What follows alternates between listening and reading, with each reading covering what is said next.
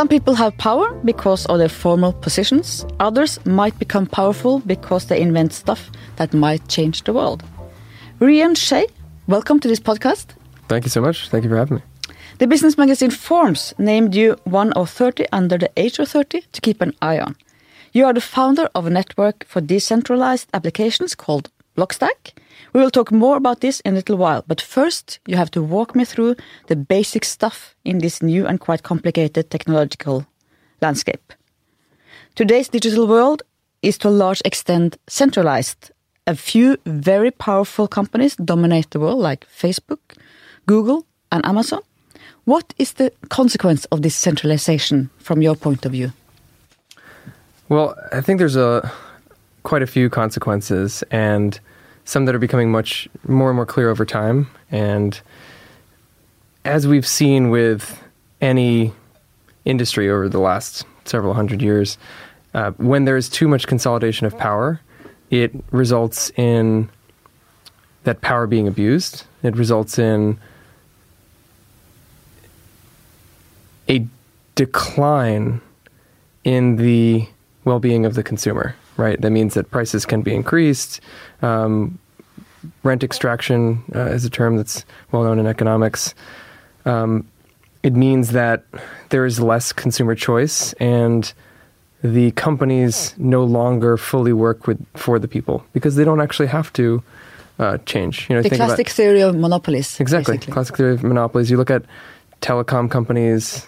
Um, generally, you know, they're famous for not uh, improving and not and not actually um, serving the customers well, and that's because they're entrenched monopolies. They they don't have to, right? They um, there was a really great um, quote. I was speaking to um, a uh, an entrepreneur who runs uh, one of these companies, and he was saying that um, I won't mention which one it is, but he was saying that their growth strategy is um, you know a lot of a lot of a lot of software companies, a lot of services businesses, they rely upon making sure that they continue to produce great products and continue to improve.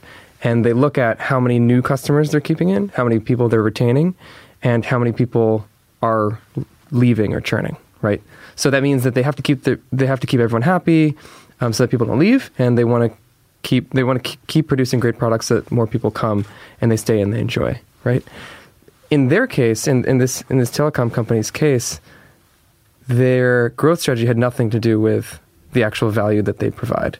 They looked at it simply in terms of what markets that they could penetrate and gain monopolies in. And they actually looked at when they uh, when customers leave, it usually comes because of death or because uh, students graduate or something. So that, that really speaks to uh, the the fact that their success in business has nothing to do with the value that they actually deliver. And that's a very big, whenever those two things get separated, um, it results in a collapse of the promise of capitalism that the businesses are intended, you know, th- th- there's forces at work to make sure that the businesses really serve the customers. You three see three major digital sins, as you call it, or problems in the digital world that also have huge effects on the real world. Let's take them one by one. Surveil surveillance. Yes uh, censorship and manipulation. Yes, absolutely. So, um, I would define surveillance as the collection, analysis, and dissemination of information, uh, often without your knowledge or consent. And the you know we go into censorship. There's um, people usually focus on just blocking, but there's many different forms of censorship. You know, of course, really censorship is the restriction of uh, access of your access to information as well as the restriction of your ability to disseminate information to the world. It is controlling the conversation, uh, right? It is controlling the software that you have access to. And uh, the third one, manipulation, I believe, is often uh, not focused on very much, but it's extremely important and potentially the most insidious, which is controlling the information the actual like content of the information that reaches you and that you disseminate. That's when we get into the echo cam- chambers. Yep. Yeah. Exactly. So one one potential form of this is in echo chambers, um, but really it's ways that that information can be used to direct people's behavior in ways that's not apparent to them. And that can lead to compromising our way of thinking, compromising our democracy. And all three of these actually have uh, pretty dire consequences for society. And you can talk both about uh, elections, free and fair elections in democracy, but also commercial things, what you buy. I mean, it has implications in so many ways so yes, our lives. Yep. The worst example, of course, is China, and that's a different form of centralization where the government surveils its people. Uh, they earn or lose social credits with huge consequences for Yes. their daily lives. How can a decentralized digital world, as you want it, serve the people of China and other author- authoritarian regimes? I think with regards to censorship and surveillance, the answer is a little more clear. Um, the one I'm probably most concerned about is the social credit score, social rating score. People don't get access to flights or trains or schools if they don't behave the way the government wants them to. Yeah. I'm not sure I have a good answer to that at the moment. Um, perhaps by the end I'll, think of a good one to that. But um, I would say we can we can talk about the censorship and surveillance side of things a little bit. Um, China in particular is very sophisticated. So I I'm often hesitant to talk about like what you know what you can actually do, um, what people could do to kind of combat these issues in China. Um, I think of it kind of like a there's a little bit of, you know if, if you if you have a video game right there's different levels and then you have the final boss right? China's kind of like the final boss. Um, you can have technologies that are produced today that are um, able to protect you better from hackers um, protect you better from maybe smaller governments and things like that but um, some of the larger governments are very very sophisticated and I think a lot of the technologies that we rely upon today um, might not be that uh, robust against these, but they're getting better over time. And So it's a race, basically. yeah, it is. I think it's it's a classic arms race, classic, um, you know, uh, classic um, escalation, right? As governments do new things to circumvent existing technologies, the technologies will improve. Governments will adapt and and come out with uh, new uh, new ways to circumvent them as well. Um, but I would say, you know, the most important base level thing that we can do is educate people about decentralization and distributed control, get more people inspired by this this way of thinking about the world and this way of producing technology and way of living and get more technologists to get into the industry and help support the creation of these technologies and also educate consumers so that they demand it more and more. If we can do those things, then that provides a very a very strong baseline. Um, ultimately, I believe that um, you know the struggle for freedom is will be won uh, in the minds of people around the world. So that's that's what we have to start with. Um, with respect to the technology itself, um, it comes down to technologies that don't have any central controller. They you can contrast this with an application like Facebook or Instagram, where there are data centers that are in these huge warehouses um, that are owned by Facebook.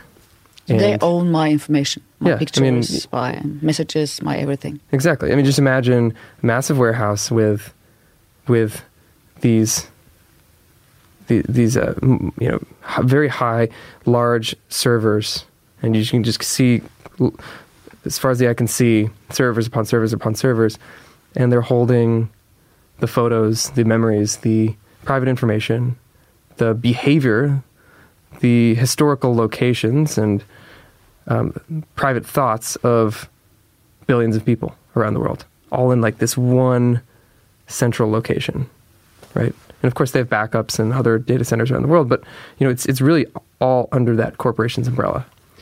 And we need to move away from that model. We have given it up ourselves. I mean, it's not they have they haven't come and grabbed my pictures. I have given it to them. Yeah. Why am I that naive? Uh, I, yeah, I don't. I wouldn't say. I don't. I don't think you're naive. I think, uh, or I am, for that matter. Um, all of us. I think it's. There's a few problems. One is we don't have true choice. We don't have. It's the first starts with the problem of of um, consolidation of of um, of suppliers of software. There is Facebook. There is no second place. Right. There is no. There is no. For the purpose of Facebook, there is no social network that's in second place. I mean, Twitter is a different use case. Instagram's a different use case. Um, there's no second place for Instagram. There's no second place for Twitter. It's you know, if you want to use something like Facebook or Twitter, or Instagram, you use that application. And what that means is that you either decide to get that experience or you don't. And consumers don't have the ability to say, I want Facebook, but without the data surveillance.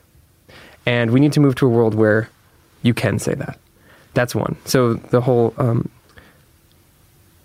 competition and cho- consumer choice, uh, like fine-tuned consumer choice, um, is one is, is the first element. Uh, the second is that there are many things happening behind the scenes that we're not aware of that um, cause us to not fully feel what's happening. Like what? So, for example, um, let's say, okay, so um, think about all the different businesses that were hacked, right? Think about, I mean, you look at Yahoo, billions of people hacked. Um, uh, there was J.P. Morgan, there was Target, there was um, Strava, right? And um, so many different companies. And the percentage of people affected um, is very large. And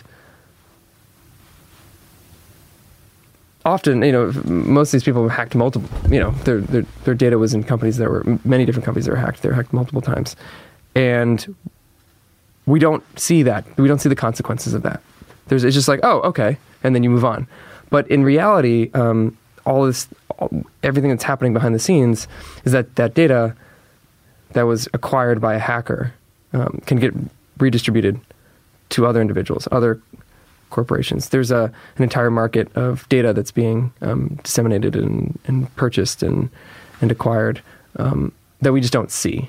And there are no, you know, there there aren't currently large consequences of those things, but um, of that very particular thing, but it can lead to second and third order effects that actually very negatively impact our lives. And um, identity theft, for instance, stealing my identity, theft is a good example. Exactly. So what happens is actually that some a burglar comes into my house, steal my album of pictures and maybe yep. my documents, my contract for my house and so forth, but I don't know it because it's yep. still there.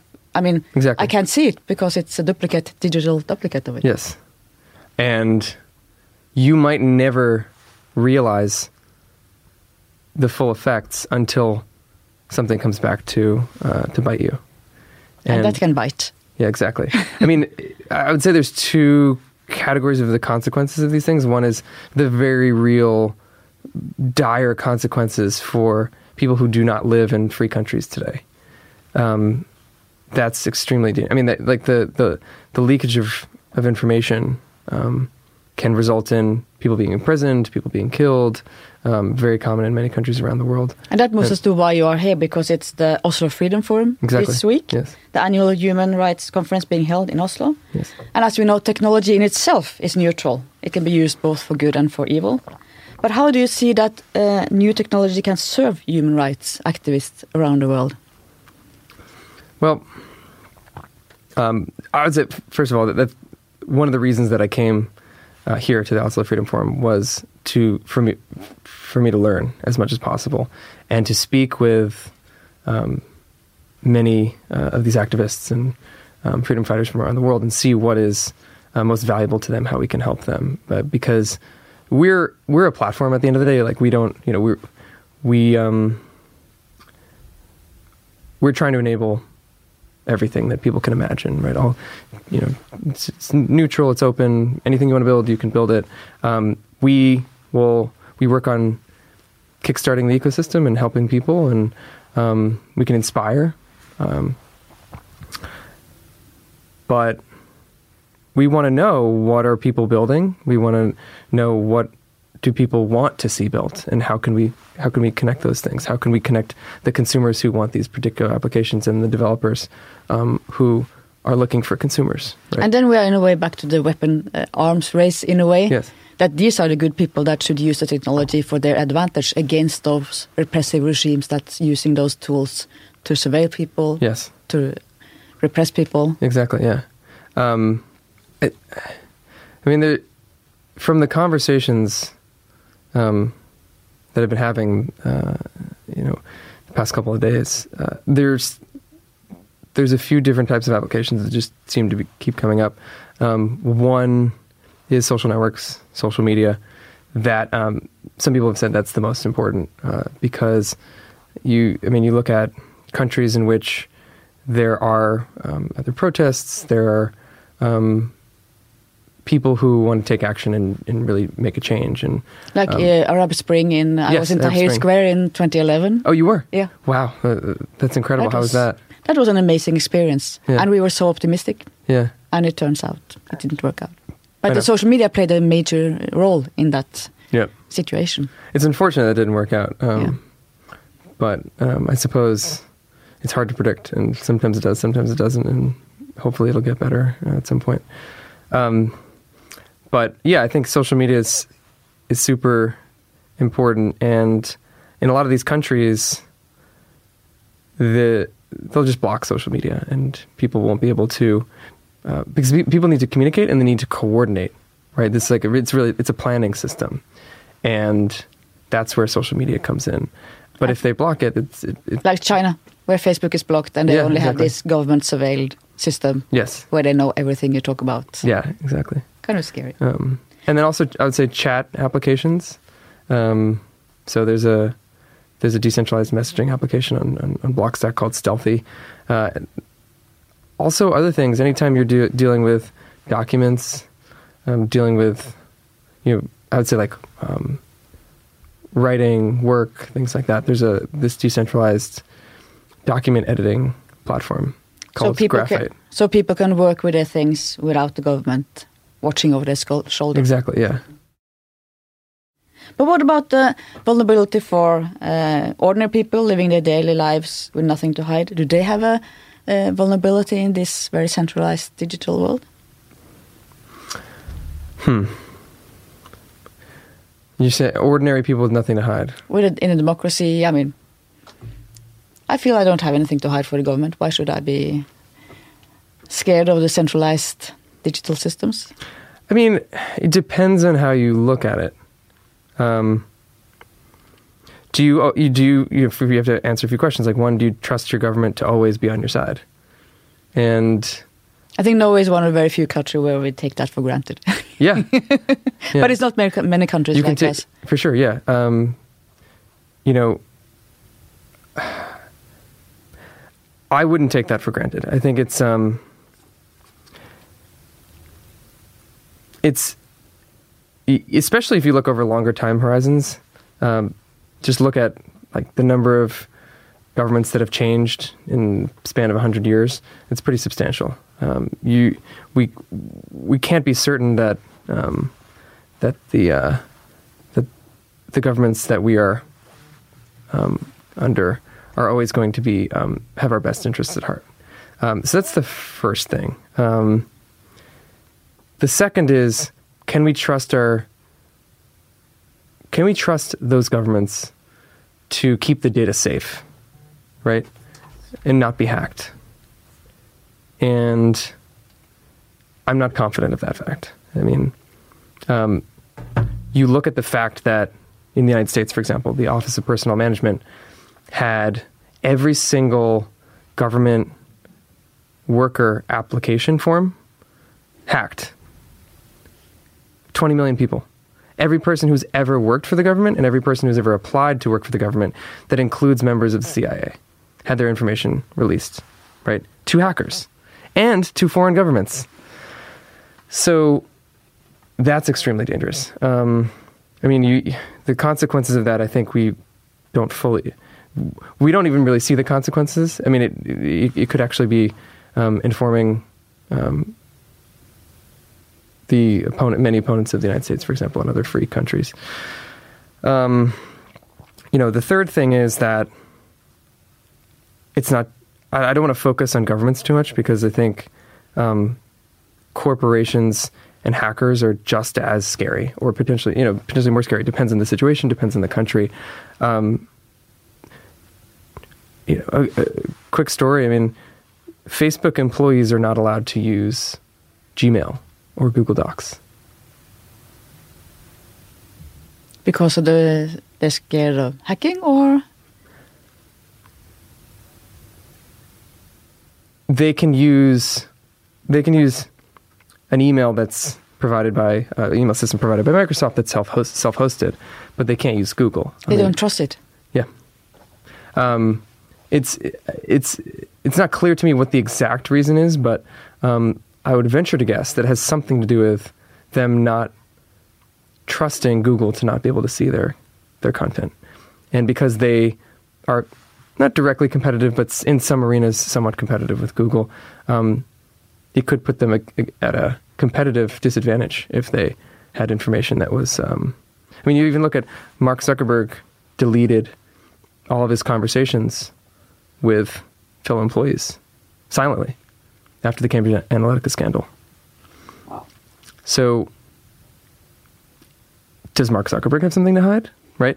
I mean, you, we, I think we have to remove and abandon the framing of people with something to hide and people who, who don't have something to hide. Um, the reality is, all of us have information about ourselves that can be exploited by anyone who wants to exploit us. And I really, if I say I don't have anything to hide, it's a lot of my, in my life I want to keep private. Yes. Of course. Absolutely. And Some people say there's a brewing conflict between the centralized and decentralized systems in the digital world. Tell me what's going on.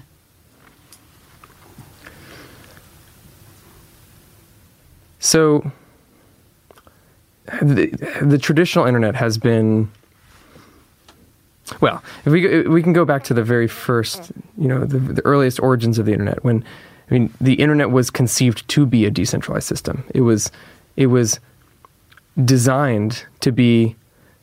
There were many computer networks before the internet, but it was designed to be the first computer network that would be global and resilient to nuclear attack.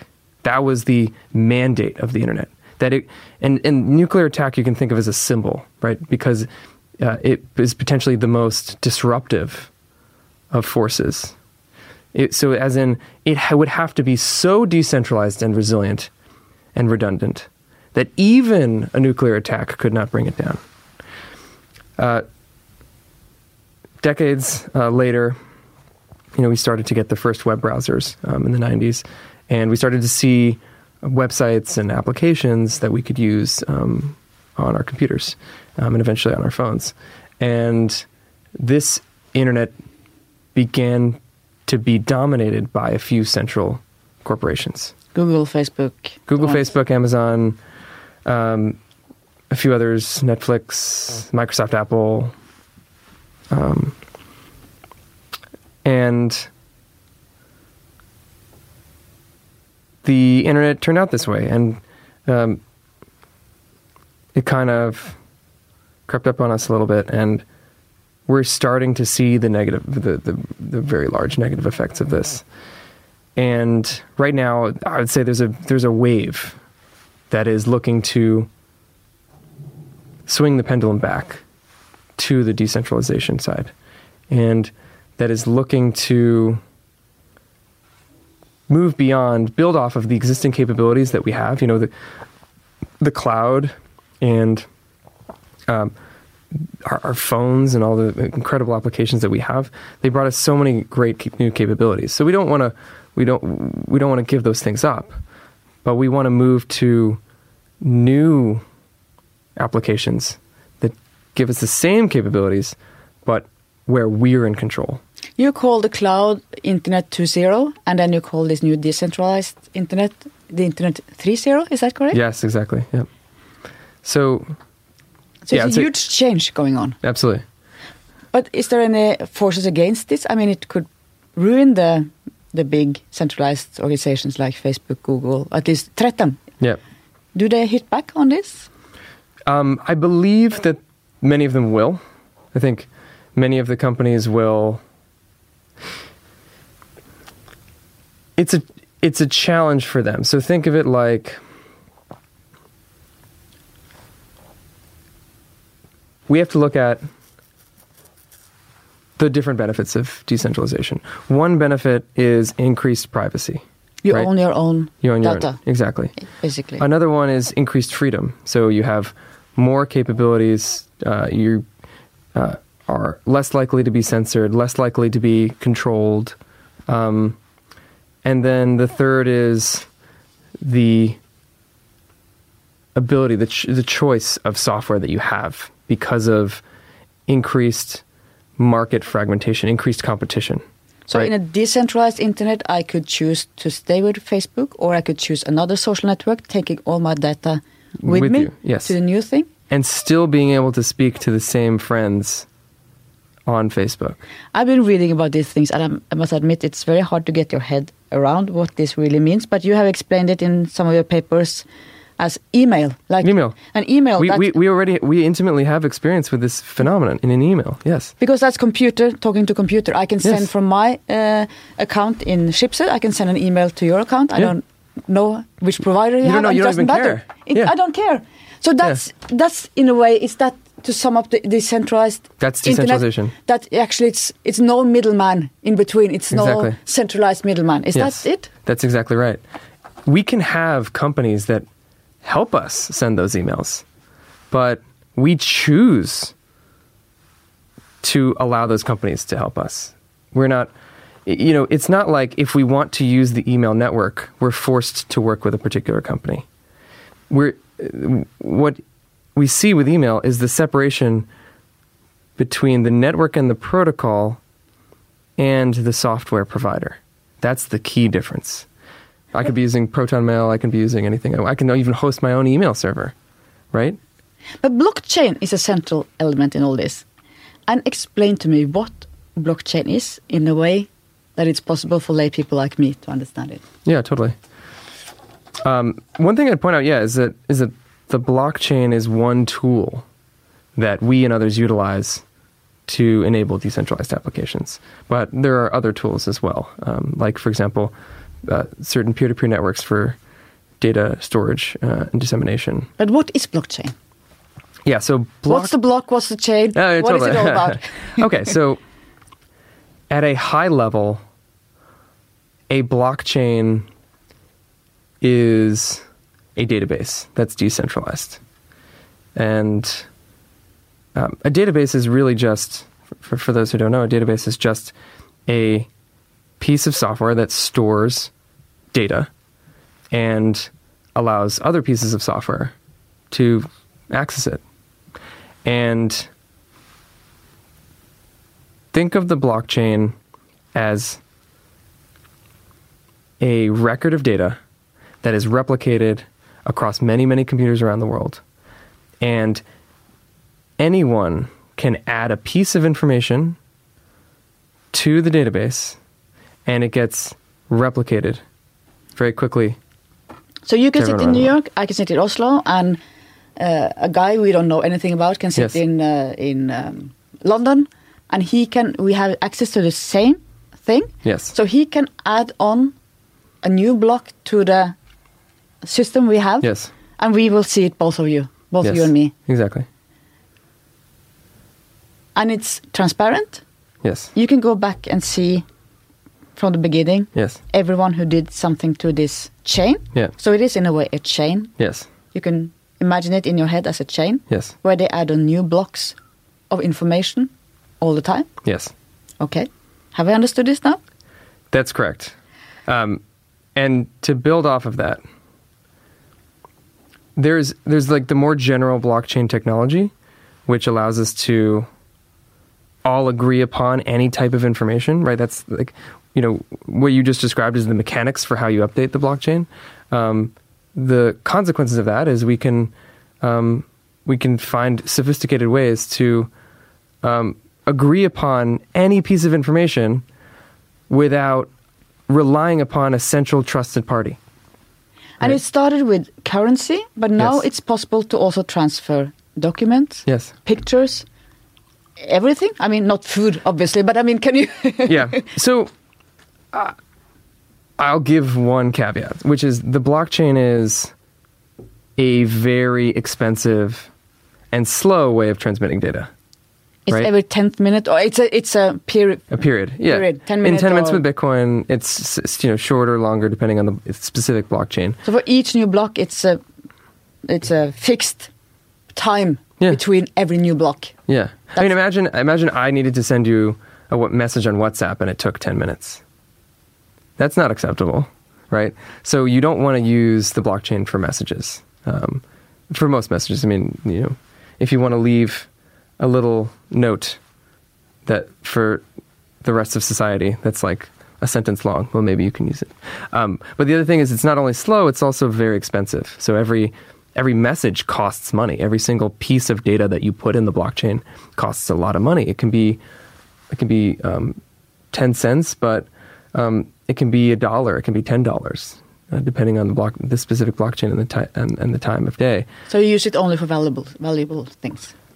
Yes, and specifically, I would say the blockchain really shines with one, um, with one generally with one broad use case, and that's anytime you want to record ownership information, who owns what, that is digitally unique. That's the that's the main use case. Uh, if you're going to do things with photos, or mm, like text messages or anything like that, any kind of general content, you don't want to use the blockchain. But if I am a human rights activist in China Yes. or in Syria in the civil war, I want to smuggle out some pictures. Yep. I can use it. I would say it's possible for very small pictures, but you probably shouldn't, um, because it's very expensive. I mean, like it would be very hard. I mean, unless you want to drop you know hundreds of dollars or something. But it's it's very very very difficult. What you what you'd want to do, what you could do, is you could use a decentralized storage network to disseminate photos. And what you could do is include a transaction in the blockchain that references it, that says, hey, I just took this photo and I am memorializing the photo in the blockchain. So the, think of the blockchain really as this. Um, you want to use it as infrequently as possible. It's very expensive, very slow. Use it for only the things that you have to use it for. Um, there do exist decentralized storage networks for um, for photos. One of them that's very well known is BitTorrent. So you can put something on top of on BitTorrent, and other people can seed it and replicate it. There's another really cool project called uh, IPFS, which is another decentralized storage network, and you can put files on there, and they can be replicated um, by other people. So I'd say like rely upon those kinds of things. For. But your Blocksta- Blockstack, the thing you're working with, uh, as far as I understand, it's building an alternative infrastructure or Yes. architecture on top of the blockchain technology. yes, So that means that you are using that, you, you build upon it and Yes. creating more stuff, more exactly. Yeah. with a huge vari- vari- variation. Absolutely. And I, yeah, I can explain exactly how we do that. So, as I said, the the really great like as the number one use case by far for the blockchain is any kind of ownership information. That's ownership of money, ownership of digital assets like stocks or digital trading cards, anything really. Uh, it can also be super useful for the ownership of domain names and identities of people, right? And what I mean by that is when you have an account on, let's say you have an account on Twitter, you have a, a, an email address and a password, and you have a username. Well, Twitter completely owns that account, right? You're just renting it from them. They can shut it down anytime they want. They could change anything inside the account that they want. It's not yours. What the blockchain lets us do is create a decentralized identity system where we each own our identity. And that means that we set up the keys, we update our profiles, and no one else can change that information. No one can shut our, down our accounts, and no one can impersonate us because only we can change the keys that are on our devices. But does that mean that you build an alternative Twitter feed as well? Or Yeah, so think of this this decentralized identity system as a building block, right? Once you have the decentralized identity system, developers can build on top of it and build a decentralized Twitter, or they can build other types of applications. And that those developers they build on top of identity, authentication, and storage. And that's exactly what we've built. We've built those different components in a decentralized way so the developers can build those things. This is really important because, you know, in a centralized system, not only could your account be shut down or censored or the information compromised, you don't have a, even even with some of these applications that might add in end-to-end encryption, you don't have strong guarantees that the data is being encrypted properly and that it's actually reaching you and not going through a third party and being snooped on and then reaching you. But with a decentralized network with decentralized identity, then you can actually have more confidence in the in the um, secure transmission of those of that information and have more confidence that the content was actually produced by who you say uh, who you think it was produced by. so how do you see that the blockchain technology technology can change the world? Can it? Yeah, no, I, I think I think in, indeed it already has to a very large um, extent. I mean, even the fact that Venezuela is doing a its own cryptocurrency is pretty remarkable.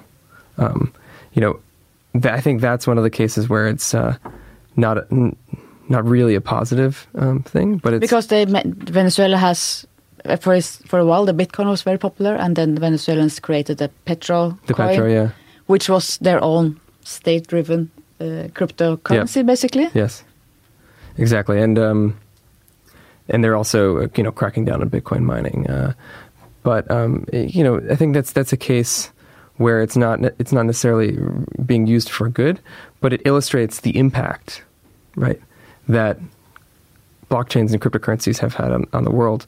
Um, you look at the fact that the Bitcoin market cap is in the hundreds of billions of dollars right now. That's pretty substantial. That means that people around the world, millions of people, millions upon millions, really, and it's estimated um, several tens of millions of people, um, deeply believe in the power of Bitcoin to be a future world currency. And uh, we have to discuss this because blockchain is intimately connected with cryptocurrencies like Bitcoin. Yes. What is Bitcoin? What is? I mean, I grew up with coins and now much more credit card, but still, uh, a digital currency. Yeah. What's going on? Um, yeah, I mean, so Bitcoin was really how we got the blockchain. The Bitcoin came out, and the word blockchain came from one of the comments in the Bitcoin code. It was said, it said the word block space chain. They described it as a blockchain, as in a chain of blocks, and that's how Bitcoin is architected. So this is really the birth of an entire um, industry with And Bitcoin. no one knows who's behind it. I mean, it started out January 2009 Yep.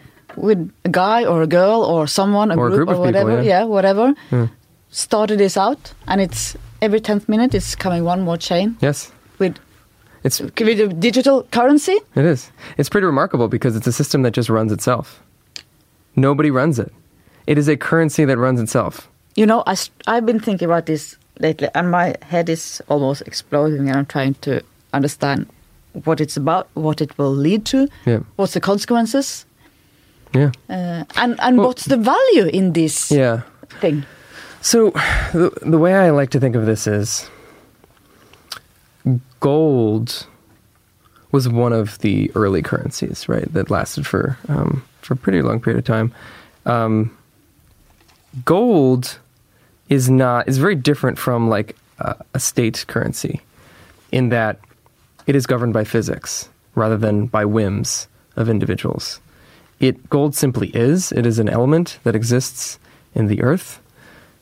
There's a finite amount, and no one can change that. Um, you know, And no one can change. I mean, it's 21 million bitcoins, isn't it? yeah, That's exactly. the maximum? No, it, it is exactly. And so Bitcoin is a digital equivalent of that. So and that's the gold in a way. yeah, A set amount. Yeah, I like to think of Bitcoin as digital gold. Um, it's important. It only is really like gold if it is as as close to being governed by physics as possible, or as close to Algorithms. yeah, uh, and specifically, alg- like unchanging, cemented, memorialized algorithms that are not able to be subject to the whims of individual humans. And this is all said. People try to hack it. It's not possible. It's just very, very, so far, very, very safe.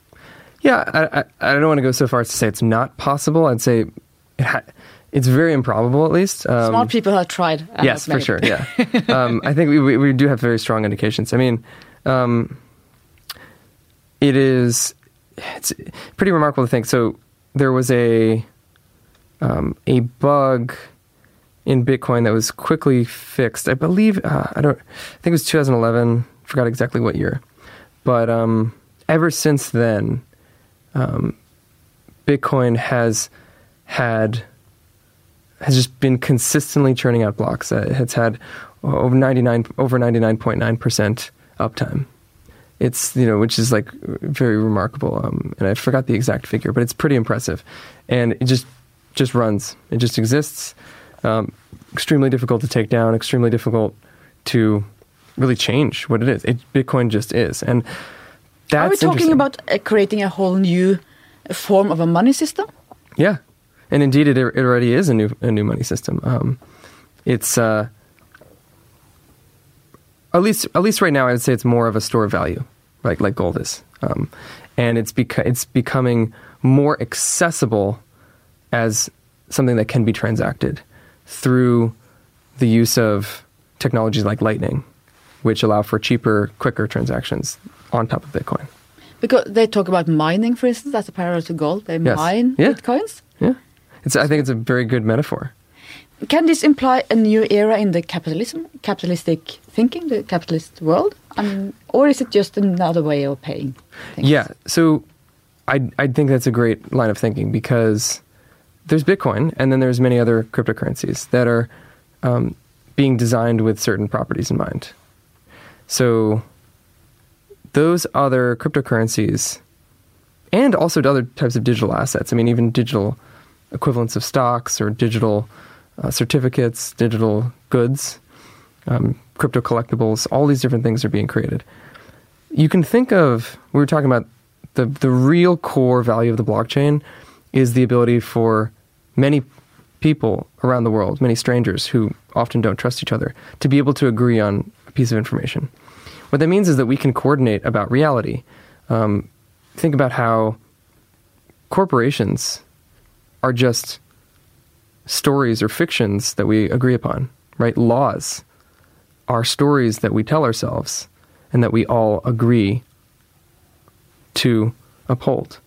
Uh, you know, no, Yuval Noah Harari in the book *Sapiens*. uh, He talks about how how myths and stories have shaped human civilization. But the laws and the money is created through democratic process.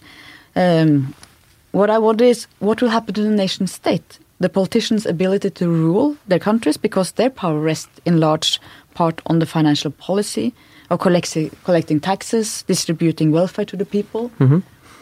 They will lose their very important tool if they don't have the control of the currency of printing money anymore.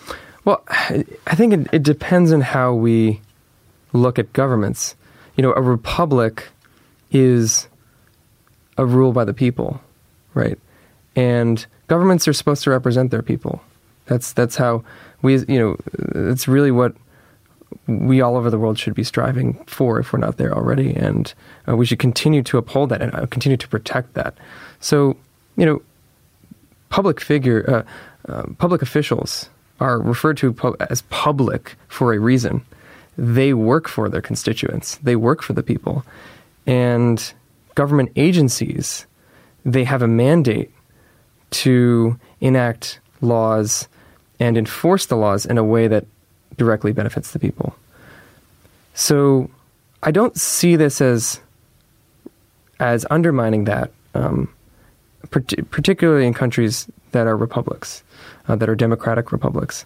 Um, I see it as uh, potentially enhancing it, right? So the gov- governments are really just systems of organization and record keeping and relationships between people that allow us to operate as a nation. But before we started this and you can do that same thing with the aid of software. Sometimes you can encode that into software. So you can even encode governments into software. But we discussed before we started podcast. We, podcast, we discussed the American democracy, Yep. the founding fathers, the constitution, the checks and balance, which is based on institutions. And my worry with this is that um, if you let it rest on software algorithms, you take away that democratic thing because we have representative democracy where we do elect people and it's a system. While if it only rests on the on the system in the digital world, that's something completely different. And in my view, that can undermine the whole democracy because they lose that tool, which is to be in charge of the money. Yeah, I, I do see the concern there. Although I'm not, I'm not as worried about it because at the end of the day, we still are humans and we still have the ability to change things whenever we want. Um, just because it's encoded into software uh, doesn't mean we can't change it. So. Um, Bitcoin can be changed. It can be forked, right? Um, it has been forked many times, and people have extended the software. There's new cryptocurrencies like Litecoin, for example, took the same. The big, think of Bitcoin. Any blockchain is a reality. It's a Bitcoin is a particular reality where the balances of certain individuals have certain values. That's all it is.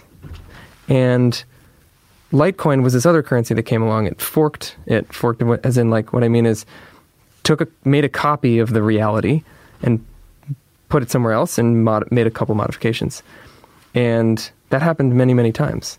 Um, Bitcoin was just designed to be as resilient.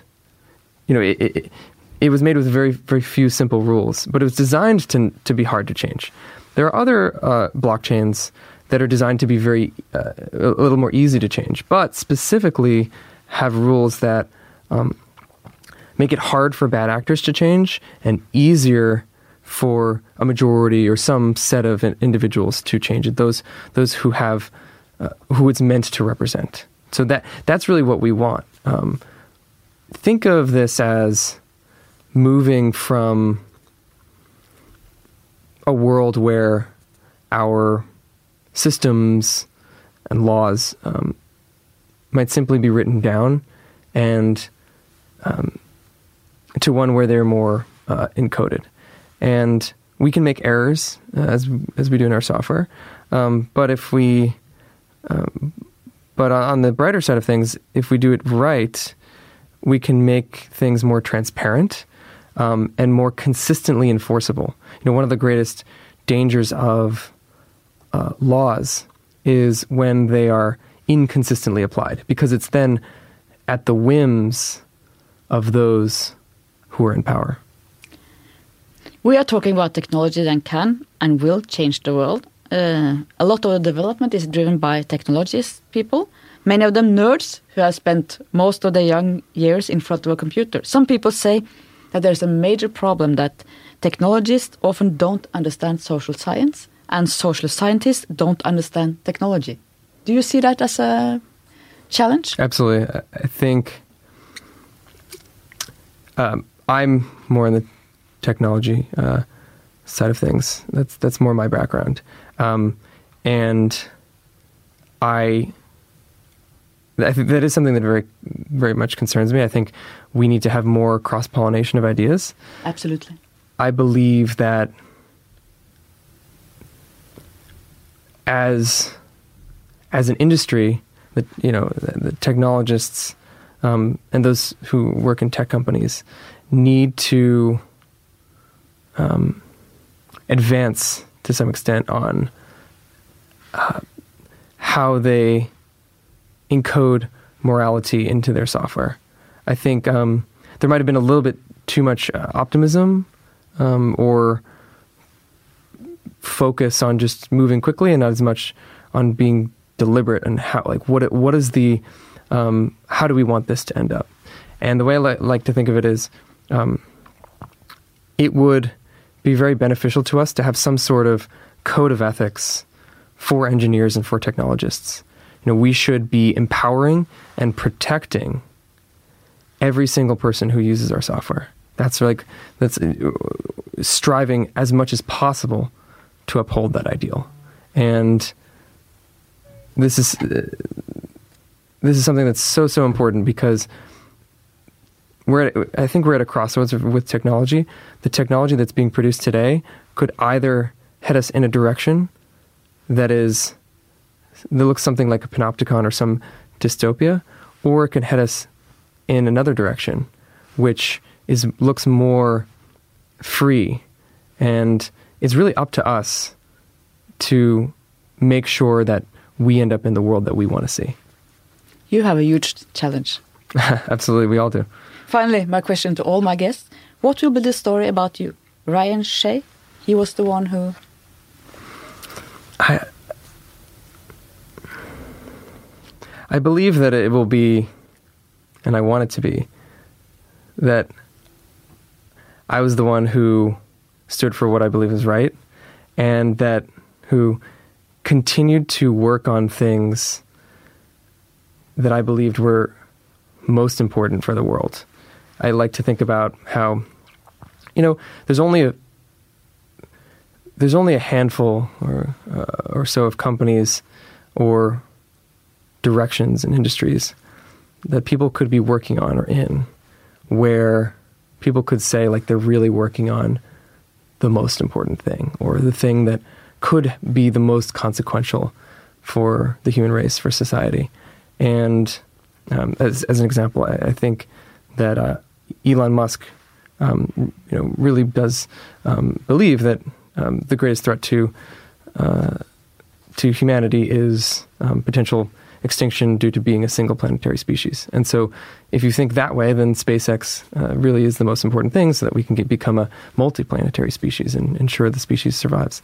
Um, from the perspective of what I'm, you know, what I'm working on um, in this part of my life, it's really fighting for, um, fighting for freedom and fighting for the well-being of people around the world in an age when the digital world is the potentially the most important um, layer and more most influential layer of our society, um, and uh, at every phase of my life, I want to be working on whatever I feel is the most important challenge and the most um, in the the greatest way in which I can make the most impact. So you want to be the one who tip the digital development in the good way. Yes, at this at this point in my life, yes. Thank you so much for coming. Yep, thank you so much. Thank you out there, those who were listening, and thank you to our producer Magne Antonsen. We touch base again next week.